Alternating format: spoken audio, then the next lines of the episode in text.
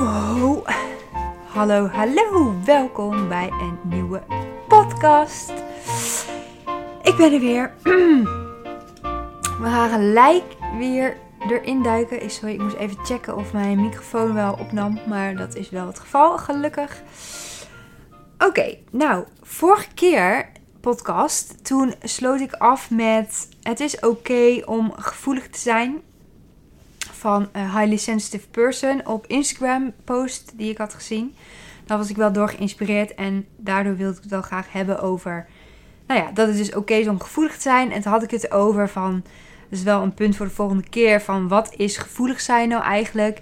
En dat het verschil, ja, dat mensen gevoelig zijn vaak associëren met dat je dus niet voor jezelf opkomt, omdat ja, botheid of ja, botheid, hardheid wordt toch wel geassocieerd met ook met succes. Dat mensen die hard zijn en echt van die zakenmensen zijn, van die coole kikkers. Sorry, in ieder geval dat heb ik best wel.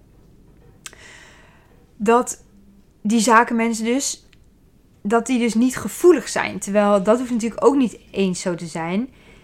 Want wat is gevoelig zijn? Is gevoelig zijn dat je snel gaat huilen? Of is dat gevoelig zijn dat je bijvoorbeeld eerder voelt in een ruimte van de sfeer die er is? Of ehm, ja, wat, wat, wat versta jij onder gevoelig zijn? Maar het maakt niet uit wat jij eronder verstaat. Maar het is sowieso natuurlijk oké om gevoelig te zijn. Ook al huil je om een vallende sneeuwvlokje die je vorige week sneeuwde het gewoon. Dat kan natuurlijk ook gewoon. Dat is ook goed nou ja, het is oké om gevoelig te zijn. En wat jij onder gevoelig verstaat, dat is natuurlijk voor iedereen verschillend. Maar ik wil wel, wilde wel nog even zeggen dat dus gevoelig zijn, dat het dus niet per se samen hoeft te hangen met dat je niet succesvol kunt zijn. Omdat gevoelig zijn en niet voor jezelf opkomen, dat is ook niet gelijk aan elkaar. Dus het is, je kunt gevoelig zijn en voor jezelf opkomen. Dus dat wilde ik ook even nog extra mededelen. En dan heb ik nog een Instagram-account waar ik een ehm, inspirerende post vandaan heb gehaald. De Daily Quotes NL. Dat is ook altijd echt een uh, leuke. Die hebben altijd mooie quotes. Of altijd. Is niet altijd, maar nou ja, in ieder geval vaak wel. en de quote is: Wil je snel een grote verandering in je leven? Stop dan nu met perfect willen zijn. Dus oké, denk er nog eens een keer goed over na. Wil je snel een grote verandering, dan moet je gewoon stoppen met perfect willen zijn. En dat is al een mega grote verandering. Want als je dat verandert in je leven, dan gaat echt een wereld voor je open. Want ik had vorige keer ook al over perfect willen zijn en dat dat niet bestaat. En dat het ook niet nodig is dat andere mensen perfect is. Je hoeft niet perfect te zijn om geliefd te kunnen worden. Dus perfectie bestaat ook niet. En ja, dus we moeten daar ook mee stoppen. Het, het is ook, daar had ik het niet in de vorige podcast, maar volgens mij de keer daarvoor ook al over van dat we heel veel dingen tegelijk willen. En we zien dus op social media de goede dingen aan iemands leven. Maar we vergeten dat dat maar gewoon een plaatje is. En dat dat niet echt het leven is met alle ups en downs die daarbij komen kijken. Het is het leven met ja, die. Ja, je kunt een heel leuk plaatje maken. Je kunt super mooie foto's maken. Je kunt zelfs de, de influencers met de meest mooie foto's. Die hebben ook een rotdag. En um, ik weet niet of er mannen hier naar luisteren. Maar als je ongesteld bent, dan is het gewoon niet heel chill gewoon. En dat zullen die vrouwen ook hebben. Ook al ziet het er allemaal heel mooi en perfect uit. Nou, die zijn altijd gelukkig en ja, dat hoeft dus helemaal niet zo te zijn. Of dat hoeft niet zo te zijn. Dat is gewoon niet zo. En ja, je hoeft helemaal niet heel veel te veranderen in je leven om als je denkt van nou, ik ben niet gelukkig met hoe het gaat. Als je dan beseft van ik ben perfectie aan het nastreven. Ik heb al heel veel. Eigenlijk heb ik al genoeg. En wil ik op een ander gebied van mijn leven iets gaan doen. Dan ben je eigenlijk al klaar voordat je ermee begonnen was. Omdat je dus, je weet dus dat perfectie, je moet niet perfect zijn. En sowieso is het ook maar saai als iedereen perfect zou zijn. Dat bestaat ook helemaal niet. Dus ja, ik kan hier genoeg zeggen dat het gewoon niet bestaat. zeg ik weer gewoon. Dat had ik vorige keer al op gelet. Of ik minder vaak gewoon zeg. Dus daar ga ik nu ook weer op letten. Want het is natuurlijk niet in één keer dat, het, dat er iets wat ingeslopen is, dat het zomaar eruit is. Dat is dus wel met veranderingen in je leven. Dat quick fix bestaat ook niet. Dus ja, dan weet je dat ook alvast. Zo, die mag daar. Oké.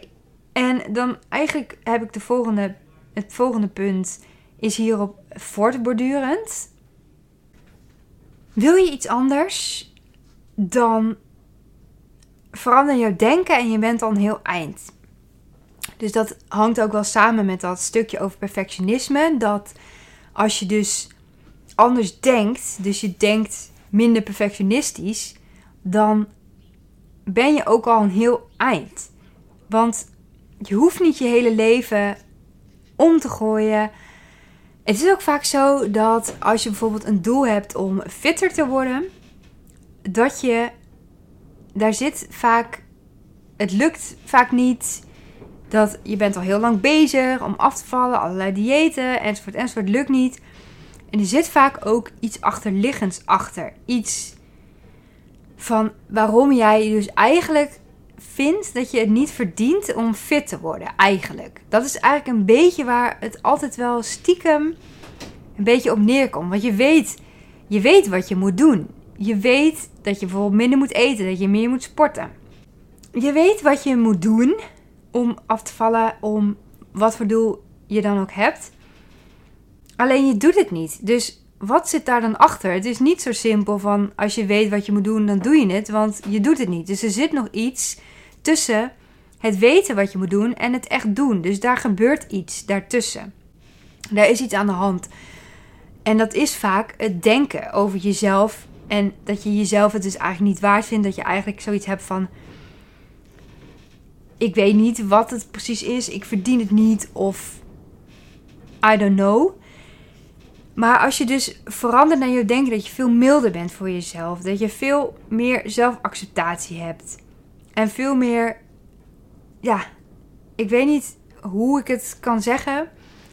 En ik weet ook niet, ik heb ook geen quick fix voor je om dat op te lossen. Van oké, dit moet je doen om dus wel van weten naar doen te komen. Wat er dus tussen zit dat, dat is niet zo heel makkelijk. Je zult echt daarvoor wel werk moeten doen aan jezelf eerst. Dus je zult dingetjes moeten uitstellen. Dus die fitheid die je wil, zul je moeten uitstellen. Omdat je weet dat je dus ook nog zelf iets te doen hebt. Inner werk te doen aan jezelf. Om ervoor te zorgen dat je ook dat je weet wat je moet doen. Maar dat je dus ook het echt gaat doen. Dus dat je ook weet waarom je doet voor jezelf. Van waarom wil je fitter worden? Wat zit daar dan achter? Wat hou je eruit? En wat zijn de dingen die je nu uithaalt uit niet fit zijn? Dat je bijvoorbeeld niet hoeft te sporten, dat het lekker makkelijk is. En dat het, dat het, ja, dat kan ook van alles zijn. Dus wil je iets anders, dan hoef je niet direct ook heel je leven om te gooien. Ook al is je doel fit zijn, door heel anders te denken, kun je ook weer meer van jezelf vinden van dat je dus eigenlijk al heel veel doet en dat het fit zijn misschien helemaal niet nodig is om jouw geluk te halen. Dat je, dat je dus denkt dat je als je fitter bent, dat je dan gelukkiger bent. Maar dat je dus als je leert om al gelukkiger te zijn met jezelf zoals je nu bent, dat het ook makkelijker is voor jezelf om dan wel uiteindelijk die stappen te gaan zetten om ook die fitheid beter te maken. Maar dat misschien het helemaal niet zo uitgebreid hoeft of zo heftig hoeft als jij dacht. Dat je bijvoorbeeld niet elke dag hoeft te sporten om die fitheid te behalen. Dat je ook van jezelf, ook mild naar jezelf mag zijn. En dat je weet van, je bent super druk. Dat je dus ook weet van, ja, elke dag sporten ga ik gewoon niet redden. En dat hoeft ook niet. Het is maar net hoe je er naar kijkt. Dus hoe je erover denkt. Dus dat is wel echt een heel belangrijk ding. Wat ook wel, ja, bij heel veel dingen naar voren komt. Is hoe je over jezelf denkt. En dat heeft zoveel invloed. Meer invloed op wat je doet dan je eigenlijk denkt. dat klinkt ook wel grappig.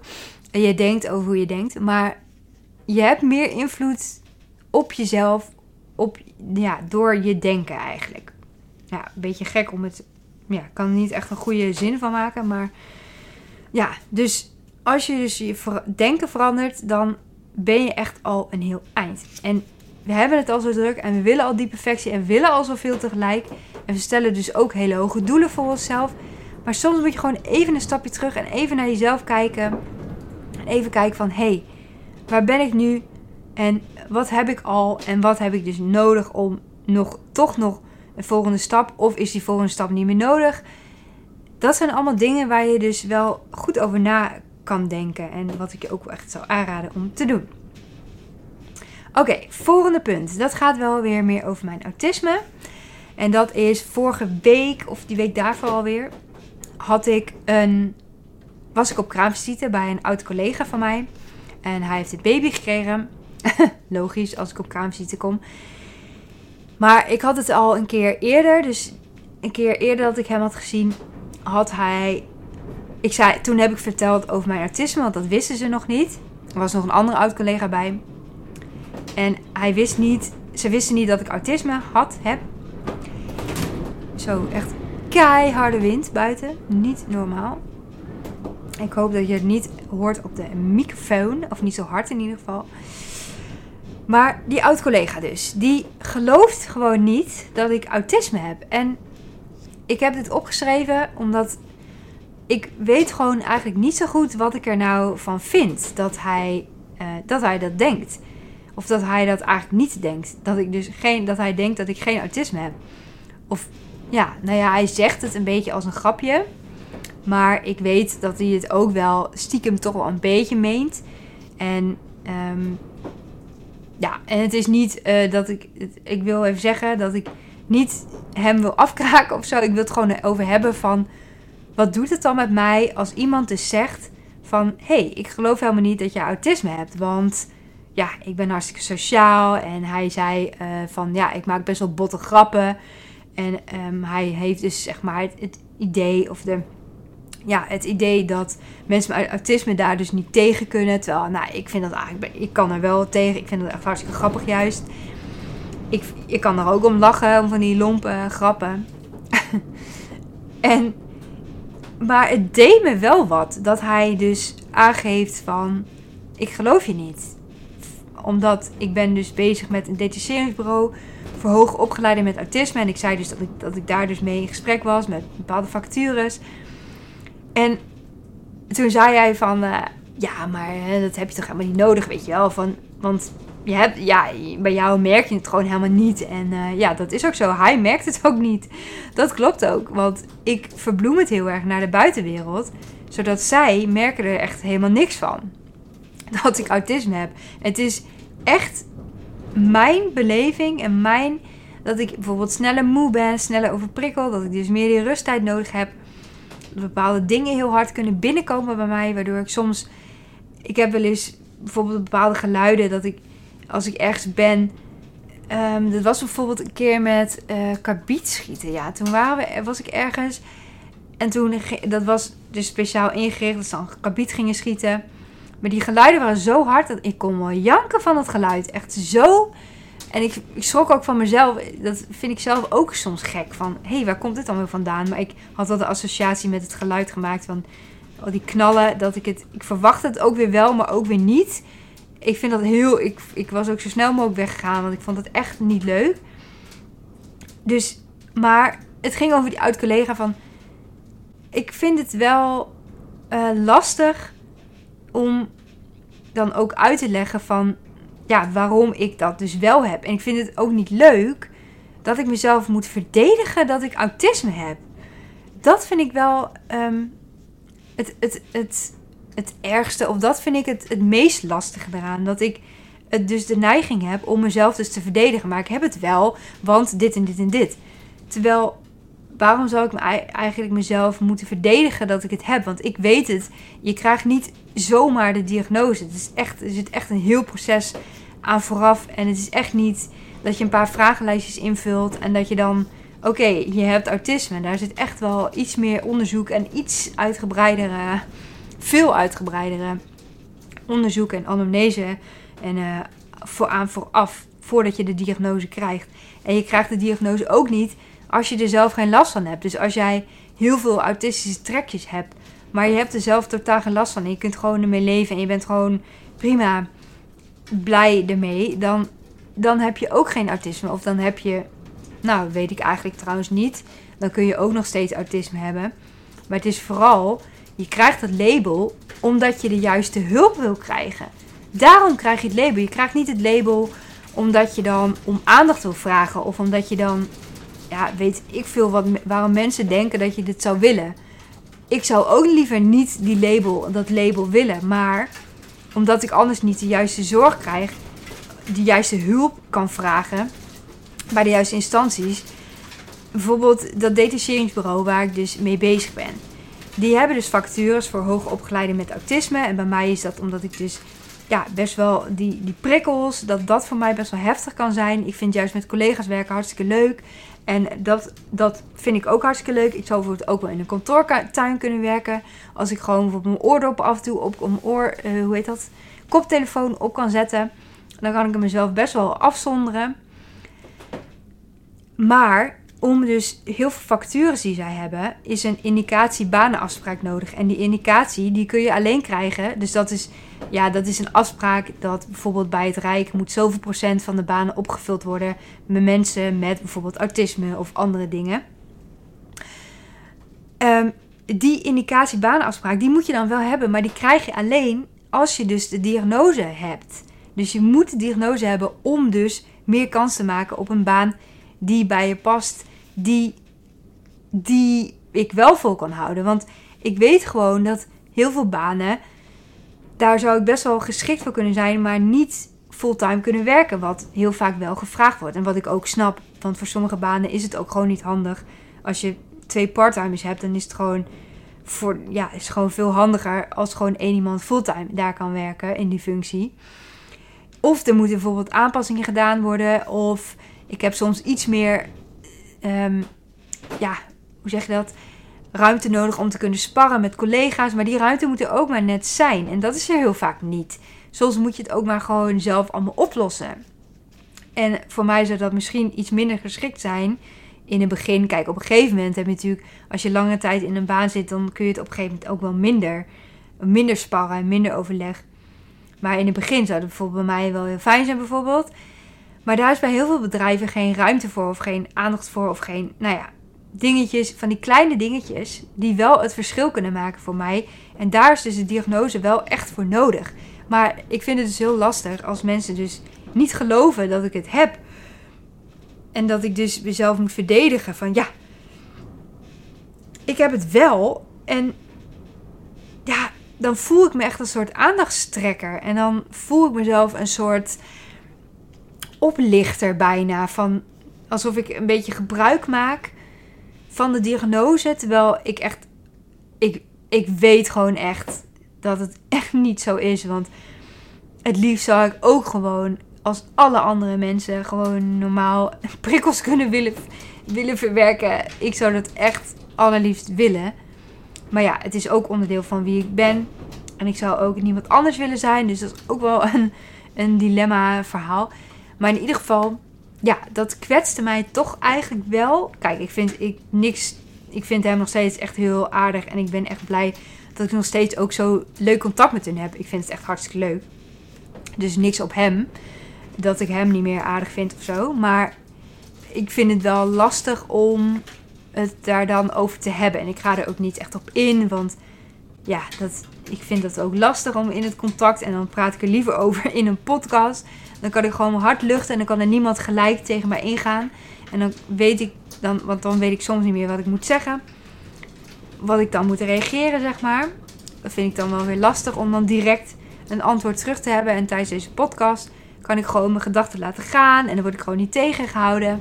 Dus dat is echt een hele fijne uitlaatklep voor mij. Daar had ik het ook over met mijn psycholoog. Dat bijvoorbeeld dus dat die collega, oud-collega zei van... Uh, ja, ik geloof het niet. En dat ik het daar dus over wilde gaan hebben in mijn podcast. En dat zij dus zei van, nou, dat is eigenlijk wel een hele mooie uitlaatklep. Toen ja, dat is, dat is het eigenlijk ook. Ik wil natuurlijk ook heel graag anderen inspireren. Maar het is aan de andere kant ook voor mijzelf gewoon goed. Ook al luistert er helemaal niemand. dan vind ik het nog steeds fijn dat ik gewoon mijn hart kan luchten. En ik vind het soms wel lastig om dus over mensen te praten in deze podcast. Omdat ik niet wil dat mensen dus denken dat ik ze onaardig vind. Maar dat is dus nooit het geval. Ik zal ook nooit lullige dingen zeggen of van die dingen om mensen echt bewust te kwetsen of zo. Dat zou ik echt nooit doen. Dus dat is ook echt helemaal niet mijn bedoeling. Maar ik wil het vooral inderdaad in dit geval ook hebben over van wat doet dat dan met mij? Als iemand dus zoiets zegt tegen mij. Het kon ook gewoon een um, verzonnen iemand zijn. Die dat dus tegen mij zegt van hé, hey, ik geloof niet. Maar ja, en ik, ik, ik merk dat ik als ik over praat, ik heb gewoon ook niet echt een goede uitleg van waarom het nou precies mij kwetst. Omdat ik dus, ja, omdat ik me niet wil verdedigen voor mijn diagnose. Omdat ik weet gewoon dat het, dat ik het heb, dat er in mijn hersenen gewoon dingen anders gaan dan bij neurotypische mensen. Ik kwam even bijna niet op het woord. Ik weet dat het, dat dat bij mij anders werkt en dat ik heb er gewoon last van. Ik merk dat. Het is niet verzonnen. Ik probeer ook vooral te bedenken van wat ik wel kan en wat er wel goed gaat. En niet te blijven hangen in wat ik allemaal niet kan. En alles aan het haakje autisme hangen. Want dat wil ik dus ook niet doen. Want dan voel ik mezelf inderdaad wel een soort aansteller van... Ik heb dat, dus nu kan ik niks meer. Nee, ik heb dat en ik moet daarmee leren leven. En ik kan heel veel. En ik moet gewoon kijken hoe ik dat in mijn leven ga inrichten. Dus ja, ik vind het lastig. Mm, en ja, en ik vind het ook lastig om dan uit te leggen. En ik wil het ook eigenlijk helemaal niet uitleggen aan de mensen in mijn omgeving van waarom ik het heb. En ik snap dat het daarom ook wel extra moeilijk is om mij te geloven dat ik het dus heb. Omdat ik dus ook niet echt uitleg van waarom. En ik zeg dan altijd wel van ik heb er zelf last van die overprikkeling en de dingen. Want zij maken mij mee op een feestje en denken, nou, het is hartstikke leuk. En weet je wel, niks aan de hand. Ik zie helemaal niks aan Sanne. Ze is gewoon normaal leuk aan het meedoen. Maar zij zien niet de volgende dag dat ik thuis zit. Dat ik dan bijvoorbeeld echt een middagdutje moet doen, bijvoorbeeld. Omdat ik gewoon echt wel moe ben van het feestje van de vorige dag. Dat, dat zien zij niet. En dat zeg ik ook niet, want dat komt ook natuurlijk niet echt ter sprake of zo. Van, oh, wat heb je de volgende dag gedaan allemaal? Um, ja, dus daardoor is het ook lastiger te begrijpen. Dat is net als met dat perfecte leven wat mensen op Instagram laten zien. Ik kan ook wel zo'n account maken dat ik allemaal perfecte, perfecte foto's heb. En dat het echt lijkt alsof ik gewoon echt het perfecte, mooie, normale leven heb. Terwijl achter de schermen heb ik dus gewoon autisme en heb ik dus al die dingen al die dingen. Dat is helemaal niet waar. Ik, weet niet wat ik allemaal nog meer heb. Ik zal vast nog wel meer dingen kunnen hebben. Maar ik heb in ieder geval natuurlijk ook een milde depressie gehad. En ja, en een soort bore-out, burn-out-achtig iets. Dat hing, hing wel samen met die depressie. Dus dat benoem ik vaak niet apart. Maar ja, ik heb dus wel wat dingetjes meegemaakt die niet echt heel leuk waren in mijn leven. Ehm, maar goed, ik blijf erbij dat ik ook focus op het positieve. En dat ik nu dus mijn diagnose eigenlijk omarm. Om ook andere mensen inzicht te geven en andere mensen te helpen. En andere mensen te laten voelen van je bent niet alleen en het is niet erg als je dingen anders doet dan anders. Want dat is ook goed. En dat er dus in ieder geval één iemand is, ik, die jou dus steunt. En ja, steunt. Ik weet niet. Ja, als ik je kan steunen op een bepaalde manier, dan, dan doe ik dat. Maar dat je je dus gesteund voelt en dat je niet alleen voelt en dat je weet van, kijk, het hoeft niet allemaal zo perfect te zijn en het hoeft niet allemaal zo, ja, te streven ook naar die perfectie. Je mag ook mild voor jezelf zijn en ja, dan gelooft iemand het maar niet dat ik het heb. Ja, ik weet dat ik het wel heb en ik weet dat ik nog wel een, een, een tocht te gaan heb, ik zeggen, maar dat ik een, een, ja, een pad nog wel te gaan heb van nog meer accepteren van de diagnose en nog meer mijn grenzen bewaken. Bijvoorbeeld die vrije vrijdag vrij houden. Ehm, waar ik het eerder over heb gehad. Van dat ik dus een vrijdag vrij plan voor mezelf. En dat ik, ja, die vrije dag heb ik gewoon echt nodig. Ja, en in het weekend doe ik misschien ook niet elke week hele spannende parties. En niet dat het nu ook kan met corona, maar nou ja, ik doe, ik doe gewoon meer rustige dingen. En in het begin, daar heb ik, dat heb ik ook ergens gelezen van, ik weet niet meer waar het was, denk op Instagram, dat, dat, dat je niet uit moet maken dat je saaie dingen doet. Als jij daar plezier uit haalt, als jij daar blij mee bent, dat jij die dingen doet. En je komt maandag op kantoor en mensen vragen: Oh, wat heb je dit gedaan dit weekend? Dat je hele stoere verhalen wilt vertellen. Ik denk dat iedereen het wel, of iedereen, dat veel mensen het wel herkennen. Dat ze dan het gevoel hebben dat ze moeten zeggen: Ja, een feest en ik ben hier geweest en dat geweest en dat gedaan en dat gedaan. Dat het agenda, dat agenda helemaal vol moet staan en dat je allemaal leuke dingen gedaan moet hebben. Terwijl jij ook gewoon dukjes doen lekker vindt. En ook gewoon lekker je diamond painting of een lekker puzzeltje. En dat je gewoon lekker op de bank hebt gezeten. En gewoon, nou, je hoeft niet eens, ik wou nog zeggen een wandeling. Maar dan wordt het al wel weer heel vol gelijk. Dus dat, als jij gewoon met die lekkere dingetjes, als je dat gewoon chill vindt. En als je gewoon een lekker weekend voor jezelf hebt gehad. Waarom zou je dat dan door anderen laten afnemen? dat, je dat, dat dat niet goed genoeg is of zo. Of dat het anders moet zijn of dat het meer moet zijn. Of ja, ik vind dat we daar best wel meer scheid aan mogen hebben.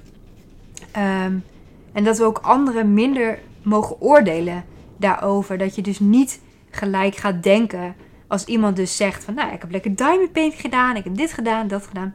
Van die kneutige dingetjes. En dat je dan diegene gelijk ziet als saai iemand. Want dat hoeft ook helemaal niet zo te zijn. Het is gewoon iemand überhaupt zegt dat, ja, natuurlijk zegt dat iets over wie je bent, omdat je dat de dingen zijn die je graag doet. Maar dit maakt je niet een saai iemand als je van breien houdt, bijvoorbeeld. Oh, ik spuugde erbij. Ik spuugde ervan! Zo wild word ik van dit. Maar in ieder geval. Dat je, ik bedoel, ik vind breien ook heel leuk. Ik heb ook een tijdje heel veel gebreid. Allemaal van die kabels, weet je wel. Vind ik hartstikke leuk om te doen. Maar ja, ik, weet eigenlijk niet waarom ik het niet doe. De ene keer doe ik dit, de andere keer doe ik dat. Een tijd. Um, maar dat ik van breien hou, dat maakt mij toch niet een, gelijk een oud dametje of zo. Ik ben helemaal niet zo'n oud dametje. Ik ben best wel jong. Sowieso qua jaren ben ik gewoon nog best wel jong. Ik ben 30, dus nou ja, zo oud is dat niet. Maar ja, um, ja, dus gewoon, gewoon. Dus geen oordeel over mensen, maar ook meer, ook meer scheid hebben aan de oordelen van mensen. Dus als we nou proberen om zelf ook minder oordelen te hebben. Om echt iemand te leren kennen. Van hoe is iemand nou en wat zijn iemands normen en waarden. En dat is ook heel belangrijk. Dat is misschien, of misschien, dat is nou bijna weet ik dat wel zeker. Dat, wat, dat normen en waarden van iemand. Om die te weten en om iemand echt te kennen. Is belangrijker om te weten wat iemand doet. Want heel vaak kijken we naar wat iemand voor werk doet. Om te bepalen van wat voor iemand het is. Maar het hoeft niet eens zo te zijn dat het werk wat je doet, dat dat een soort iets is van.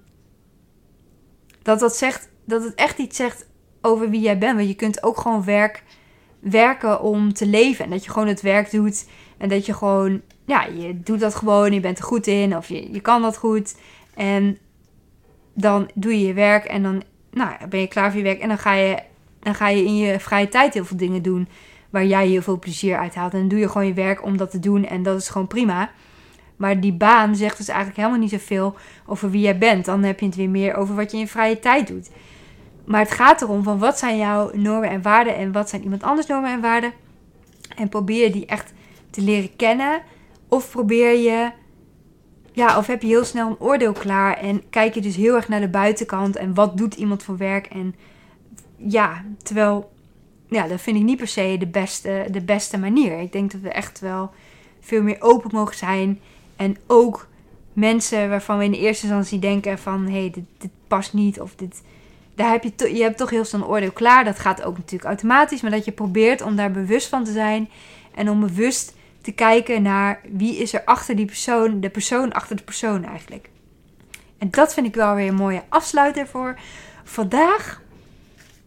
Ik wil je weer heel erg bedanken voor het luisteren of kijken. Ik hoop dat je er weer wat aan hebt gehad. Dat je een inzicht hebt opgedaan uit mijn monoloog. Want ik las, laatst echt een vet lieve reactie. Vind ik echt heel, heel leuk. Een reactie van Florian op mijn YouTube kanaal staat die. De, want daar stond in een reactie stond monoloog. Toen dacht ik, oh ja, eigenlijk hou ik wel altijd een monoloog inderdaad.